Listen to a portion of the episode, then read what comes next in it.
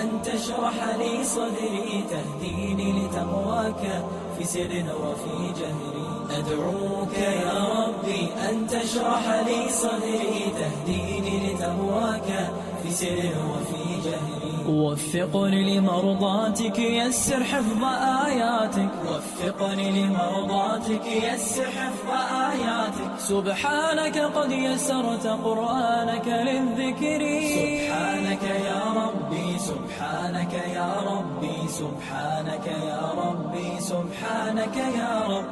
قرآنك يا حافظ يهدي للتي أقوم فاعمل بما تحفظ قد عرفت ذا فالزم قرآنك يا حافظ يهدي للتي أقوم فاعمل بما تحفظ قد عرفت ذا فالزم عز هو للأبناء فخر هو للآباء. عز هو للأبناء فخر هو للآباء سبحانك قد يسرت قرآنك للذكر. سبحانك الله الرحمن الرحيم. إن الحمد لله نحمده ونستعينه ونستغفره ونعوذ بالله من شرور أنفسنا ومن سيئات أعمالنا. من يهده الله فلا مضل له ومن يضلل فلا هادي له وأشهد أن لا إله إلا الله وحده لا شريك له وأشهد أن محمدا عبده ورسوله. يا أيها الذين آمنوا اتقوا الله حق تقاته ولا تموتن إلا وأنتم مسلمون. يا أيها الذين آمنوا اتقوا الله وقولوا قولا سديدا. يصلح لكم أعمالكم ويغفر لكم ذنوبكم. ومن يطع الله ورسوله فقد فاز فوزا عظيما. يا أيها الذين آمنوا اتقوا الله وقولوا قول يا أيها الذين آمنوا اتقوا الله ولتنظر نفس ما قدمت لغد واتقوا الله إن الله خبير بما تعملون.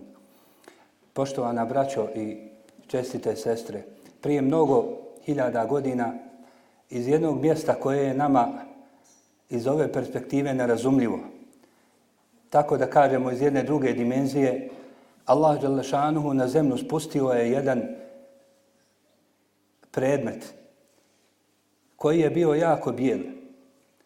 Međutim, taj predmet, iako je trajnog karaktera i namjenjen je da ne propadne, njega je ili njegovu boju je promijenilo nešto što je također trajnog karaktera i što traje, što ostaje i čije se posljedice osjete mnogo godina kasnije, a i na budućem svijetu.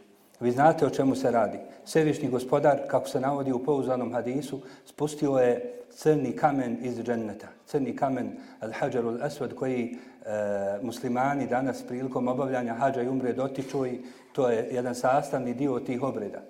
Taj kamen je bio u džennetu i gospodar svjetova i svoje mudrosti dao da taj kamen bude spušten na zemlju. I bio je bijel. Međutim, čovjek kao čovjek je dao sve o sebe da se boja tog kamena promijeni i da on postane crn. I zato se zove crni kamen, a da se sad zove bijeli kamen, bilo bi bolje, daleko bi bolje bilo za nas na ovom i na budućem svijetu. Grijesi su poštovana, poštovana braćo i čestite sestre. Ono što e, ljude e, odvodi od Allaha Đalešanuhu i što njihova srca malo pomalo, malo pomalo crnim činima, e, či, e, crnim čini i kasnije ljudi, oni koji su se odali tim grijesima, ne mogu iznaći puta, ne mogu razlučiti između dobra i zla. Dobro je za njih zlo, a zlo je dobro. Allah Đelešanuhu spomenuo je ovaj e, ran, to jest e, tu koprenu koju izazivaju grijesi u kuranskom ajetu Kella bel rana ala kulubihim ma kanu yaksibun. A to nije tako, na njihova srca je koprenu ostavilo ono ili koprenu je izazvalo ono što su oni, ono što su oni radili.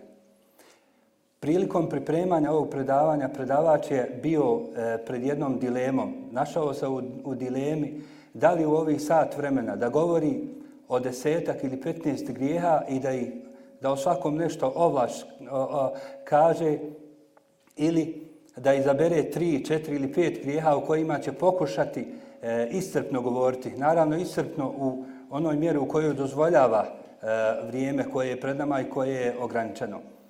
E, predavač se naravno opredijelio za ovu drugu e, mogućnost, a hoće li se ispostaviti ili hoće li ta mogućnost biti e, bolja, hoće li e, odabir biti sretan ili neće, vi ćete o tome ako Bog da na kraju predavanja prosuditi.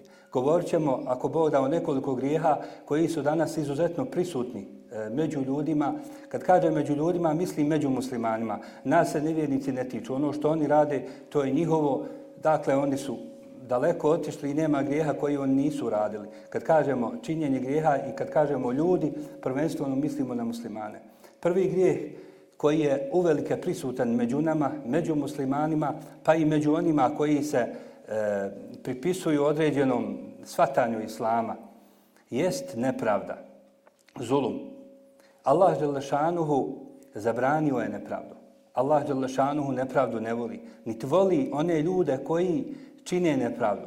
Čak Allah Đelešanuhu ne voli da čovjek trpi nepravdu ako je kadar da se odbrani. Naravno onda kad nije kadar, Allah sve mogući ne traži od njega da se e, zaštiti. Međutim, svevišnji Allah ne voli da čovjek trpi nepravdu u onom e, stanju ili u onoj situaciji kad je kadar da tu nepravdu od sebe otkloni.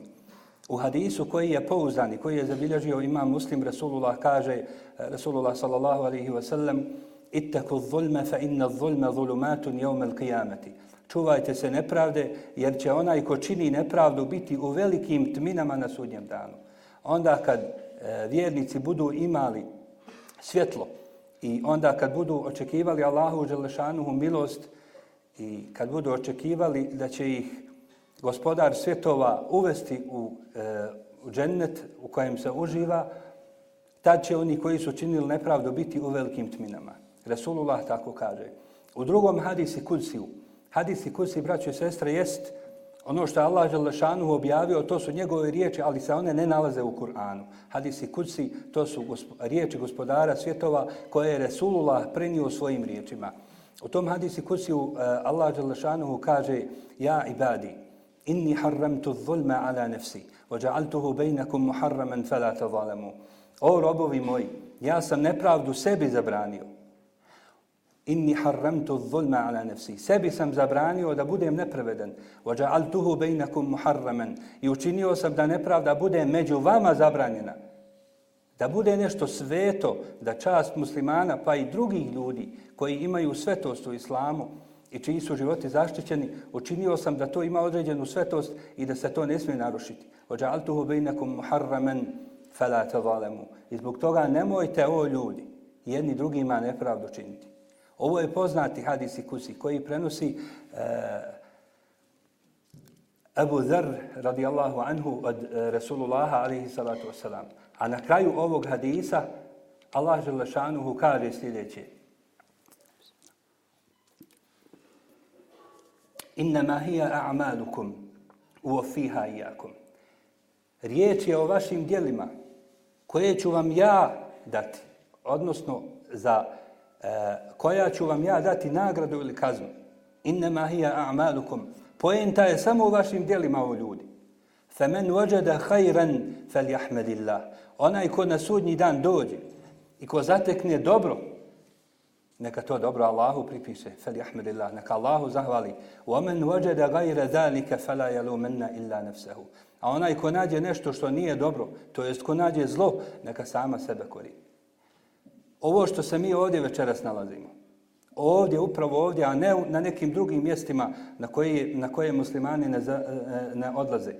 I to što u našim srcima večeras je iman i ljubav prema Allahu i prema poslaniku, a ne ljubav prema šeitanu i prema grijesima, to, braći i sestre, nije naša zasluga. Nemojte da se varamo. Da čovjek kaže, ja sam kod Allaha bio nešto, ja sam nešto i onda mi Allah to dao. Ne, to je Allahova dobrota. Čisto Allahova dobrota.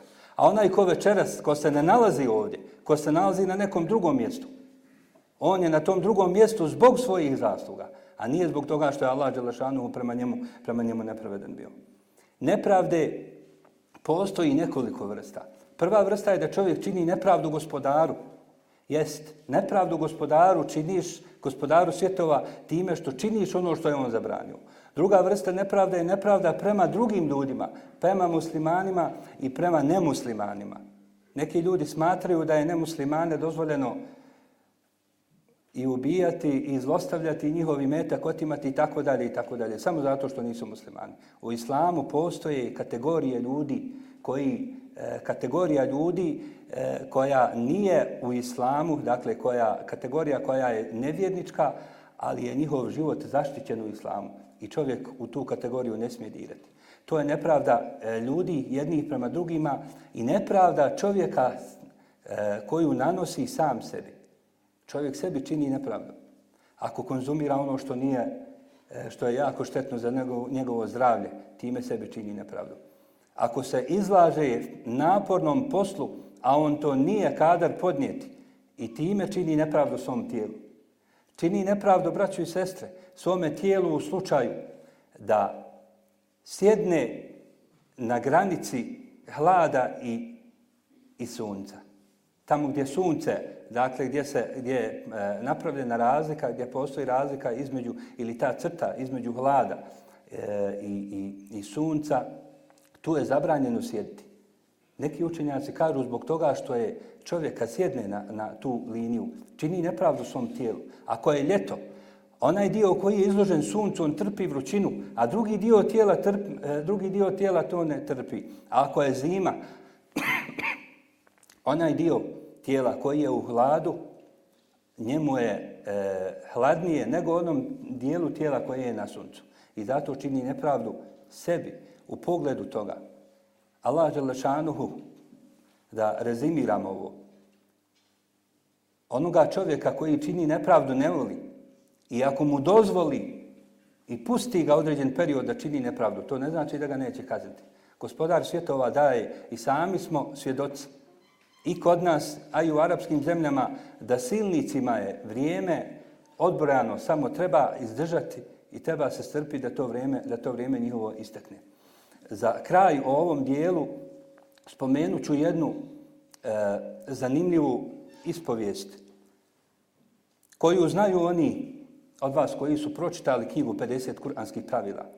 U jednom e, ti pravila govori se da oni koji čine nepravdu da neće uspjeti na ovom svijetu i tako dalje. I navodi se tu jedna zanimljiva ispovijest profesorice sa uh, jednog univerziteta, dakle muslimanke, koja je e, imala iza sebe dva braka i koja je bila jako razočarana u životu.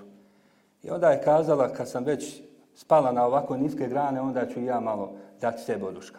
I zaljubila se u e, svog daljeg rođaka. Zaljubila se u njega koji je bio oženjen, sretno oženjen, imao je petero djeca i živio je sretno uglavnom. U njega se je zaljubila, a njegov, e, njezin tetić, pardon, zaljubio se u suprugu te, e, e, tog čovjeka, nesretnog čovjeka. Zaljubila se, on se zaljubio u njenu suprugu i tijeli su da naprave brakolom kako bi se ona domogla njega, kako bi stupla sa njim u brak, a kako bi njen tetić E, za ženu uzeo tu bivšu ženu od ovog čovjeka kojem su nepravdu nanijeli. I sklopili su dogovor, a tu oko tog dogovora Tu se je sam šetan upleo tako da im nije bilo teško naći e, zajednički, zajednički dogovor. Bili su jednoglasni u tome da optuže ovu ženu za preljubu. I onda su počeli širiti glasine kako, su, kako je ona viđena tu i tu, kako je viđena na tom mjestu i tako dalje. I zaista šetan je dao da se uh, uh, ovaj brak raspadne i da ostanu djeca. Nakon godinu dana ta je nesretna žena koja je razvedena od muža, udala se za jednog e, nepoznatog čovjeka, a ovaj čovjek, njen muž, on se oženio drugom nekom ženom, tako da ni ova vinovnica ove priče, ova profesorca, nije uspjela ostvariti svoje podle namjera, a niti je njen tetić ostvario svoju namjeru, dakle, da, da stupi u brak sa tom ženom. Međutim, oni su nanijeli nepravdu ovom bračnom e, e, o ovim bračnim drugovima. A Allah Želešanuhu nepravdu ne voli. I Allah Želešanuhu daje, Allah Želešanuhu je taj koji se osvećuje. Samo se treba srpiti. Nakon tri godine, ona je dobila leukemiju. Da se Allah Đelešanu sačuva. Dobila je rak kostiju, ili kako se kod nas kaže, rak krvi. A njen taj tetić i još jedan čovjek koji je svjedočio na sudu protiv one žene, koji je bio lažni, potplaćeni svjedok, njih dvojica su izgorjeli u jednoj kući koja se zapalila usred, bio je neki strujni, e, Eh, bilo je, imali su problem sa strujom, oni su ušli unutra da to naprave i kuće sve zapale, njih dvojica su, njih dvojica su tu izgorili. Allah Đelešanuhu ne voli nepravdu i Allah Đelešanuhu voli one koji su, Allah Đelešanuhu voli one koji su pravedni. Drugi grijeh koji je uvelike prisutan među muslimanima, pa možda i među nama, jest neposlušnost prema roditeljima. Vi ste ovom sigurno mnogo slušali. Možda će neko pomisliti zašto nam predavači koji dolaze uvijek ponavljaju iste stvari. Dobro, što mi kad klanjamo svaki dan uzmamo pet puta abdest i svaki dan namaz počinjemo s tekbirom Allahu Akbar. Neispravno je početi namaz riječima Subhanallah. Taj namaz je neispravan. Niti je ispravno otići na seždu malo radi promjene prije rukua. Niti je ispravno podne sa četiri rekata skrati na tri. Imaju braću i sestre u islamu, imaju postulati koji se svaki dan moraju ponavljati. Svaki dan moraš sebe preispitati jesam li ja neposlušan svome roditelju ili nisam. Jesam li poslušan ili nisam. Onaj ko ovo radi, on nije na gubitku. Onaj ko ne radi možda bude na gubitku. A onaj ko radi, on sigurno nije na gubitku. E zbog toga ponavljamo ovo. U hadisu koji je pouzdani, koji je zabilježio imam At-Tabarani Rasulullah kaže Ithnani yu'adjiluhum Allahu fi dunja al-bagju wa uquq al-walidain. Za dva grijeha Allah daje kaznu još na ovom svijetu. Dakle, onaj ko čini ova dva grijeha, ova dva koje e, e upao u ova dva poroka, neko čekuje kaznu još na ovom svijetu. A kako će mu na ahiretu biti, to samo Allah zna. Prvi grijeh je al-baghi, a to je nasilje. Nasilje je otprilike što je zulum, to su otprilike sinonimi u našem jeziku. Mada postoji određena razlika. Onaj ko čini nasilje i onaj ko je neposlušan svojim roditeljima. Onaj ko je neposlušan roditeljima imaće kaznu još na ovom svijetu. U obliku bolesti, u obliku siromaštva, u obliku toga da njega njegova djeca neće slušati. U raznim oblicima. Međutim, Allah Đelešanuhu će mu sigurno tu kaznu dati. Onaj ko je neposlušan roditelju doživjet će nešto Doživjet će nešto, neko to bude siguran, što mu neće biti drago. A kako će mu na ahiretu biti, to samo gospodar svjetova zna.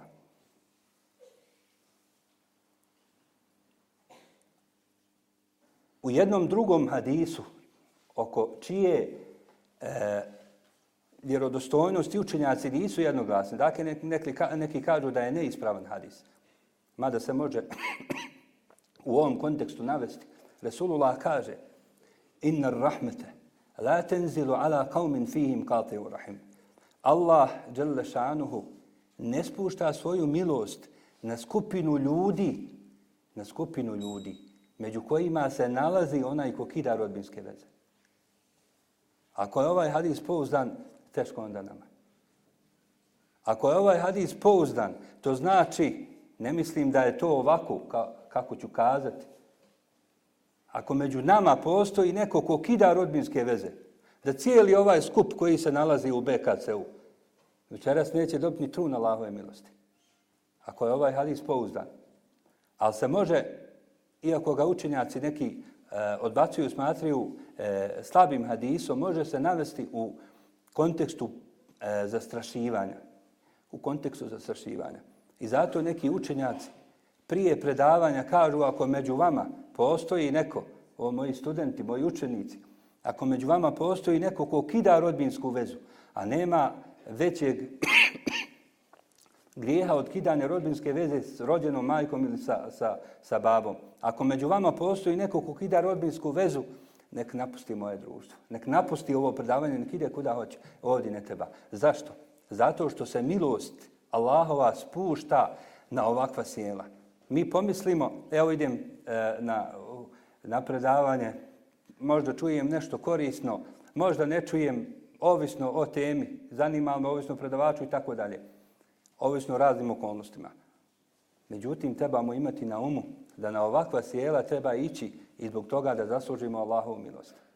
Opet u drugom hadisu, ovo je sušta suprotnost, navodi se da meleki putuju po zemlji, da imaju da ima jedna kategorija posebna meleka koja putuje po zemlji i koja traži gdje se to muslimani okupljaju, I onda odu gospodaru svjetova i kažu gospodaru, Allah najbolje zna, na tom i tom mjestu postoji skupina.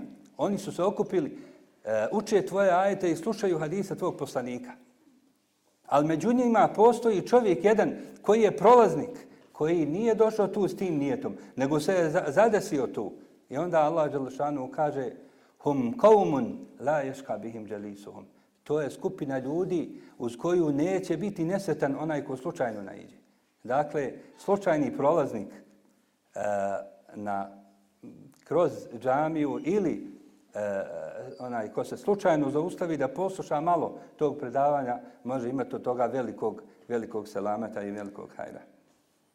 Kad je riječ o dobročinstvu prema roditeljima, postoji mnogo ajeta, ali jedan od tih ajeta e, budi u čovjeku e, emocije i budi u čovjeku osjećaj i uči ga da treba činiti roditelju dobročinstvo, pa makar taj roditelj bio najgori na ovom svijetu. Allah Đalešanuhu kaže u pogledu roditelja وَإِنْ جَاهَدَاكَ عَلَىٰ أَنْ تُشْرِكَ بِي مَا لَيْسَ لَكَ بِهِ عِلْمٌ فَلَا تُتَعَهُمَا Ako te oni, to jest roditelji, budu nagovarali, ako se budu upinjali da te navedu da meni činiš širk, da obožavaš pored mene nekog drugog Boga o kojem ti ne znaš ništa, o kojem ja ništa nisam objavio. Fela to te ahuma. Nemoj ih u tome poslušati, jer nema u tome poslušnosti. I nakon ovog, nemoj i poslušati, slijedi nešto što će nas zaprepastiti. Fela to te ahuma o sahib huma fid dunja ma'rufa. Nemoj ih poslušati, ali prema njima se na ovom svijetu veliko dušno odnosi. Ovako glasi prijevod. Međutim, kad, bi, e, kad bismo malo doslovnije preveli, a i slobodnije, ovaj bi dio ajeta se mogao prevesti na sljedeći način. Neka ti roditelji budu najbolji jarani na ovom svijetu. Stavi roditelje, takve roditelje, koji ne vjeruju i koji su od Allahove milosti daleko, koji su mnogobošci, koji uopće ne vjeruju u Boga i koji žele da ti budeš jedan od tih nevjernika i da budeš kao i oni i gori od njih, nemoj ih u tome poslušati. Njih ne slušaj, jer je zabranjeno da ih poslušaš o sahib huma fid dunja ma'rufa. Ali zato, ovo nemoj, ali budi im jaran. Nek ti babo, takav babo, bude preći od tvojih baba.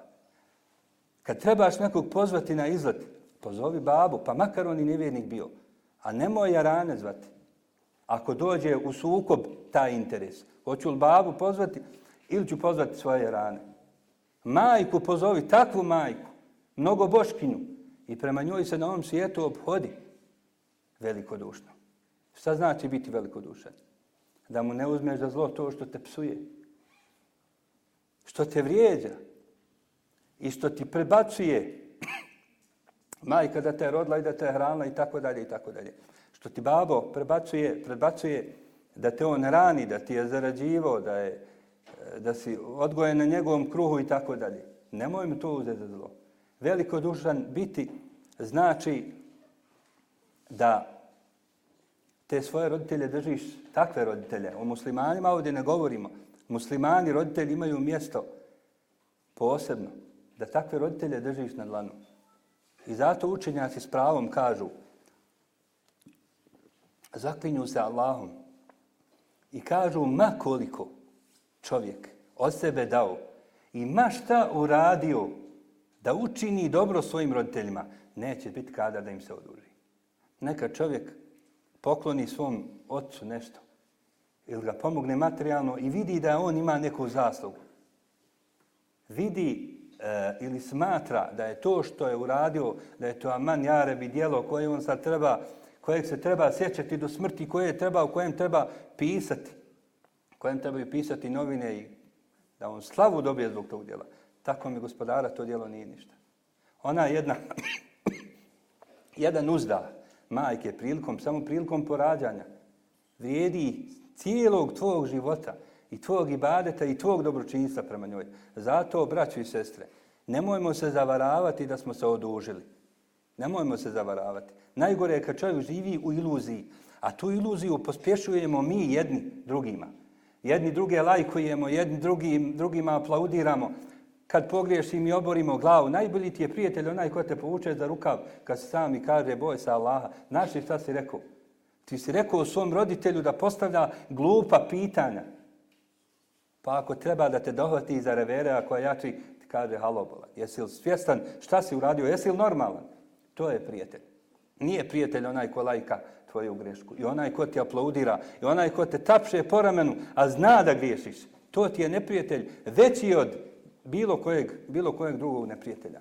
U pouzanom hadisu stoji da je jedan čovjek koji je živio tad u Jemenu, došao kod Allahova poslanika i kazao Ja Rasul Allahi akbeltu min al Jemen. O Allahov poslaniće, evo ja ti dolazim iz Jemena. U Jemenu tad nije bilo mnogo muslimana. Ubaje uke alel hijreti wal džihad. Dajem ti prisegu da ću učiniti hijđru. Neću više živjeti u zemlji u kojoj žive nevjernici. I da ću se s tobom boriti na Allahovom putu. Ja ti dajem prisegu. Resulullah ga pita, je li živa tvoja majka? Poziva se na majčinstvo. Vraća tog čovjeka, tog Hamasliju, da nije bilo poslanika i otaj bi možda postao za 7 ili 15 dana i dišovac. Jer Hamas nosi. Al Allahov poslanik mu kaže, jel ti živa majka? Možda je čovjek pomislio, ja rab, ja sam, želim hijđu, želim džihad, želim džennet. A Resulullah me pita, jel mu živa majka? Reče, jest. Pa mu poslanik kaže, želiš li džennet? Želiš li džennet? Kaže, želim. I onda mu je poslanik kazao, ilzem riđile iha, vrati se i ne odvajaj se od majčinih nogu. Nije, joj kazao, nije mu kazao, činio dobročinstvo, budi na usluzi, nego je kazao ilzem riđlejha, nemoj se odvojiti od majčinih nogu. Šta to znači? To znači kad majka sjedi na stolci, da ti sjedeš napod, a ne da sjedeš, da budeš na višem položaju. To znači da, se ne, da budeš ponizan prema tom svom roditelju. Koliko si ti kadar i onoliko da čini dobročinstvo, koliko si kadar i koliko te Allah Želešanu u to omogući. Opet u, drugom preda, u drugoj verziji ovog predanja kaže se da ga je da je kazao ovaj čovjek, živi su i otac i majka, oterektuhum jebkijan, i ostali su iza mene plačući u Jemenu, jer roditelj ne voli kad se njegovo dijete odvoji od njega. To teško pada. Ostali su plačući, pa mu Rasulullah reče, idja ilajhima, fa adhikhuma kema abkejtehuma. Vrati se i unesi radost na njihovo lice. Vrati im osmijeh onako kako se ih ti rasplakao. Vrati im osmijeh na lice. Nije Allahov poslanik ali zato salam zaboravljao ovo dobročinstvo. I bio je najveći dobročinitelj. Čak je kazao tražio sam od Allaha Đalešanuhu da mi dopusti da molim za svoju majku, iako je umrla kao mnogoboškinja. Tražio sam od gospodara da mi to dozvoli, da molim Allaha da joj oprosti. Kaže, nije mi dozvolio, ali mi je dozvolio da posjetim njen mezar. I odmah je uradio ono što mu je gospodar dozvolio. Resulullah nije podbacivo u dobročinstvu, u dobročinstvu prema roditeljima. Za kraj, o ovom dijelu, navešću jednu e, istinitu ispovijest o jednom momku koji je bio dobročinitelj prema roditeljima, prema svom ocu. A radio je kao taksista. I pripovijeda da je, kad bi, e, kad bi se vratio kući s posla, svu zaradu koju je tog dana e, stekao, donio bi, donio bi kući. I nije svom babi dao u ruku, jer e, ruka koja daje, ona je bolja od one ruke koja prima. Čovjek kad daje, on osjeća ponos.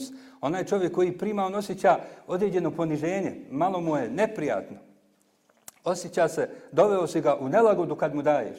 I zato je su zaradu stavljao na sto i ostavljao je babi svom. I Allah Đelešanuhu dao je da on razvije taj biznis i kasnije je postao milioner. I govorio je, mislim da je gospodar, da me gospodar učinio bogatim upravo zbog tog dobročinjstva. Činio je dobro roditelju, ali mu nije činio dobro na način da ga ponizi.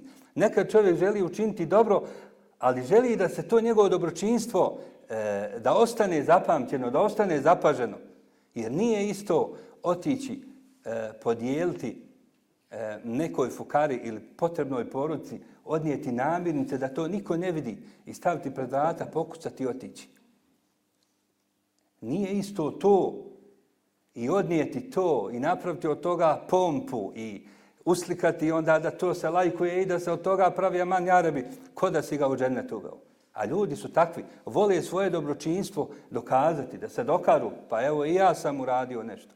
Pa dovoljno ti ja, ako ti misliš ili ako, ako smatra da nije dovoljno to što Allah vidi, nemoj činiti dobro. Nema od tog dobra nikakvog hajda.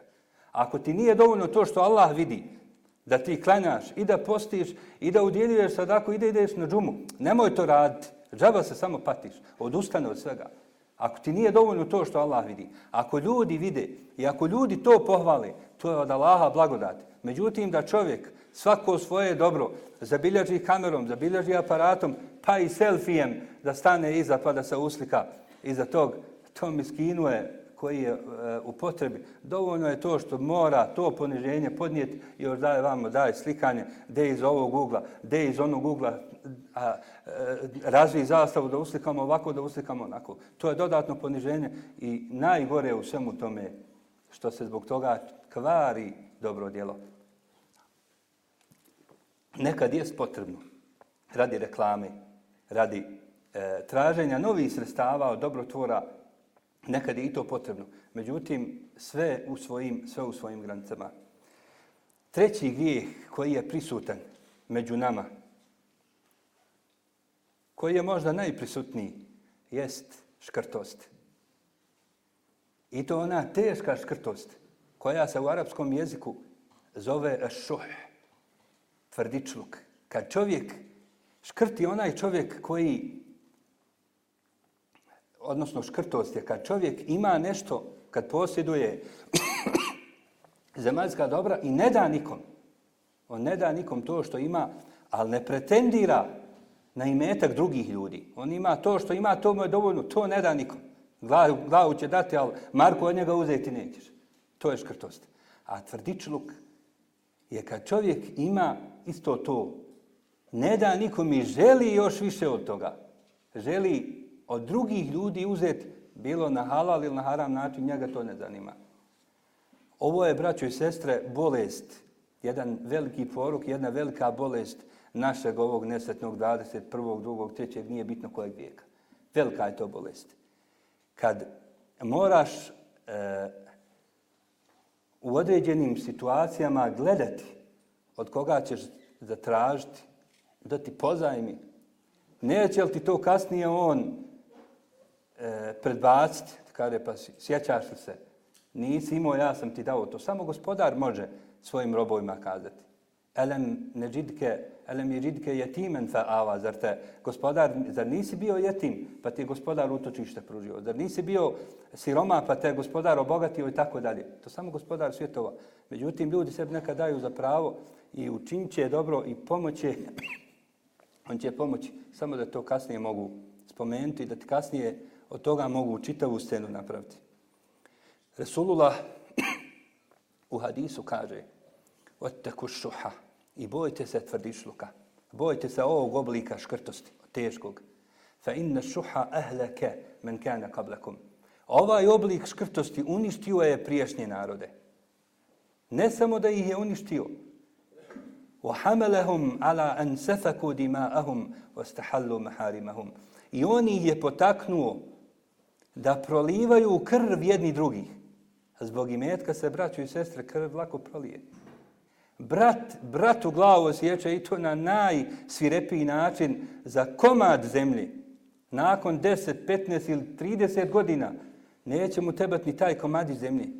On će imati svoju jednu garsonjeru gdje neće plaćati kiriju i neće imati nikakve režije, ali će biti posljedice. Ako je činio dobro, imaće sve pogodnosti.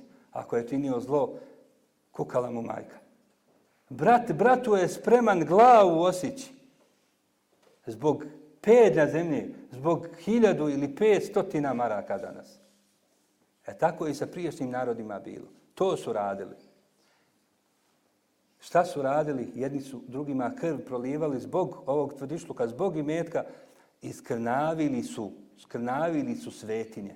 Nije više svetinja među njima bilo apsolutno nikako Sve, sve zbog ovog imetka. Allah Đelešanuhu kaže u Kur'anu Kerimu وَمَنْ يُوكَ شُحَ نَفْسِهِ فَأُولَٰئِكَ هُمُ الْمُفْلِحُونَ Obratite pažnju na konstrukciju, na jezičku konstrukciju ovoga ajeta. Onaj ko bude uščuvan e, tvrdičluka svoje duše, ko bude toga sačuvan, taj će biti jedan od onih koji su uspjeli. Zbog čega Allah Đelšanu ovdje kazao šuha nefsihi, e, tvrdičluka svoje duše. Zbog toga da se ta škrtost pripiše samom čovjeku.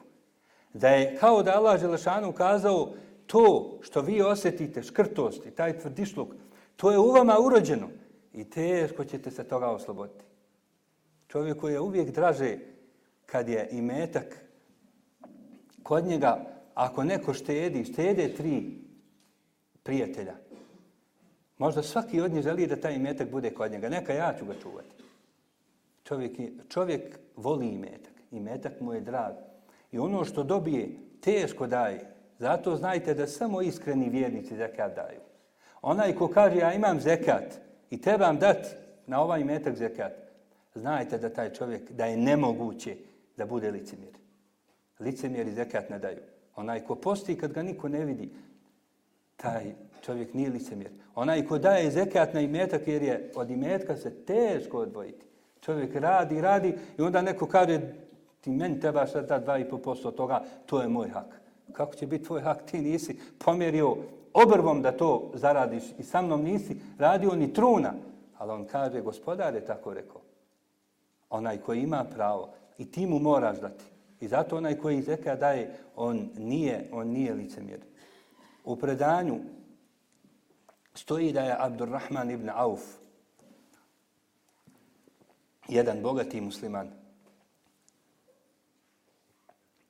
tavafio oko Kjabe i učio samo jednu dovu. Naše hađije ili oni koji odlaze na umru, ponekad se zahmete pa napišu dovu na eh, dvije, tri stranice izreda, sve što će dobiti, za koga će dobiti, onda se oko toga pati pa ne može pročitati u gužu, onaj ga gura. Ona. Sadržajna dova je bolja od svega toga. Abdurrahman ibn Auf je tavafio i učio je samo jednu dovu koja, je, e, koja se sastoji od tri riječi. Allahumme kini šuha nefsi. Zapravo četiri riječi. Allahu moj, sačuvaj me tvrdičloka moje duše. I onda su ga muslimani koji su bili upitali su ga, e, jer su ljudi željeli kad vide nešto čudno, nisu pitali tamo nekog sa strane, nisu indirektno ili za neki nikova postavljali pitanja koja su e, neku, e, koja su postavljena na jedan neumjesan način, nego su pitali odma izravno tog čovjeka. Rekao si to i to, šta si ti po tim podrazumijevao? Kazao su mu, čuli smo te da učiš samo jednu dovu. Te nam objasni šta. Onda im je Abdurrahman ibn Auf kazao ovako. Ako me Allah Đalešanuhu sačuva škrtosti ili ovog tvrdičluka, to je da pretendiram na tuđi imetak. Ja neću krasti. Moj imetak će mi biti dovoljan. Neću činiti nemoralne radnje, jer će mi moja hanuma jedna, dvi, tri, koliko je imao, one će mi biti dovoljne. Neću e, nastojati, moja će mi čast i moj ugled će mi biti dovoljan. Nekad ljudi žele e, da dokažu svoju e, vještine svoje bilo u bilo kojem pogledu time što će ponižavati druge ljude. Pa će onaj koji je e, koji trenira neku borilačku vještinu i u njoj se svještio da bi dokazao svoje, on će izvesti u ring nekog e, početnika da njega izmatara i da dokaže kako on sposoban. U redu, izvedi sebi ravnog, pa onda dokaže svoje vještine. E zato Abdurrahman ibn Auf kaže, ako sve ovo budem, ako mi Allah Đelešanu usliša da ovo, neću raditi ono što je zabranjeno. I ovo ukazuje da su ashabi radijallahu anhum Kur'an razumijevali na jedan poseban način. Na jedan poseban način. Mi danas e, Kur'an rijetko ga i čitamo. Još jeđe o njemu razmišljamo. I ono što, čemu razmišljamo, mi to, aman, jarabi, shvatimo nekako nakaradno. Čovjek iz ajeta koji govori o zakatu zaključi da se mora postati. Ljudi su, dakle, od, od vrela su se udaljili i vrijeme je svoje učinilo i tako dalje. I četvrti grijeh o kojem ću večeras govoriti, on je, braćo i sestre, najopasniji. Odmah to da znamo. Najopasniji je uopće. A ovaj grijeh je veći od širka. Kaže se ne postoji, širk je najveći grijeh. Međutim, postoji nešto što je u jednom pogledu opasnije i veće od samog širka. Od toga da čovjek pripisuje Allahu druga. A to je da o islamu govori bez znanja. Govorenje o islamu bez znanja veći je grijeh od širka. Allah Đelešanuhu u jednoj suri navodi šta je zabranio. Da je zabranio nasilje, da je zabranio nemoral, nemoralne radnje, javne i tajne i tako dalje. I onda kaže da je zabranio da se čini gospodaru širk, da mu se neko ranim smatra. Nakon toga ajet kruniše, ajet završava riječima وَأَنْ تَكُولُ عَلَى اللَّهِ مَا لَا تَعْلَمُونَ I da o Allahu govorite ono što ne znate. Kad se kaže o Allahu, misli se i na gospodara, na njegova svojstva, na njegova dijela, misli se na gaib, na svijet, e, na nepoznati svijet, e, na, na budućnost. Misli se, misli se također na propise halala i harama.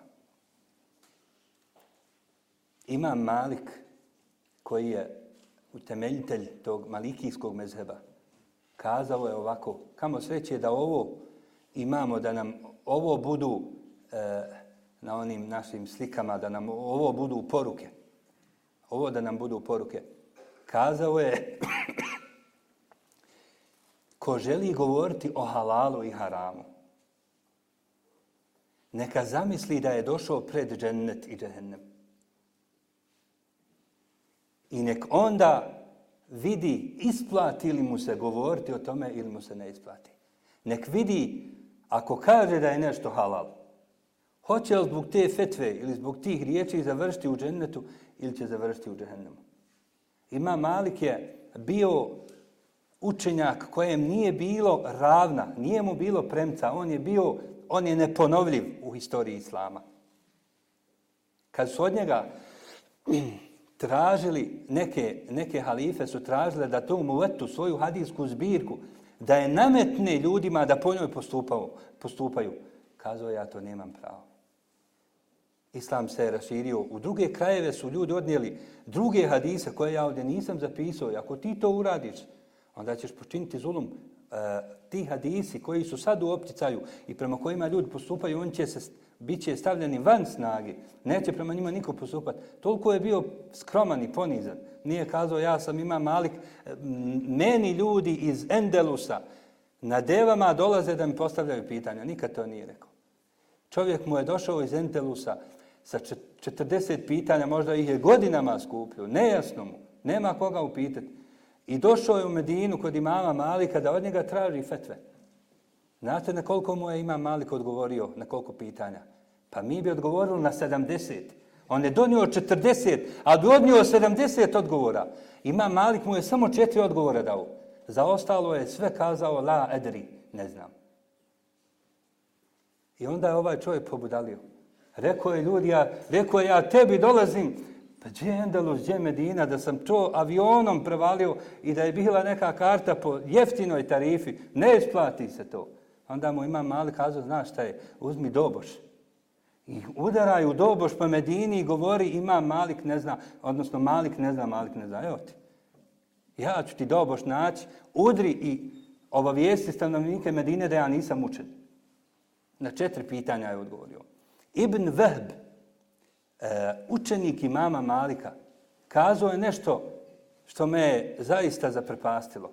Kazao je ovako, da sam zapisivo u svoju svesku, u svoju bilježnicu, u koju sam bilježio e, odgovore imama Malika, da sam zapisivo odgovore ne znam, ne znam, kad je svaki dan bi pune teke odnio kući.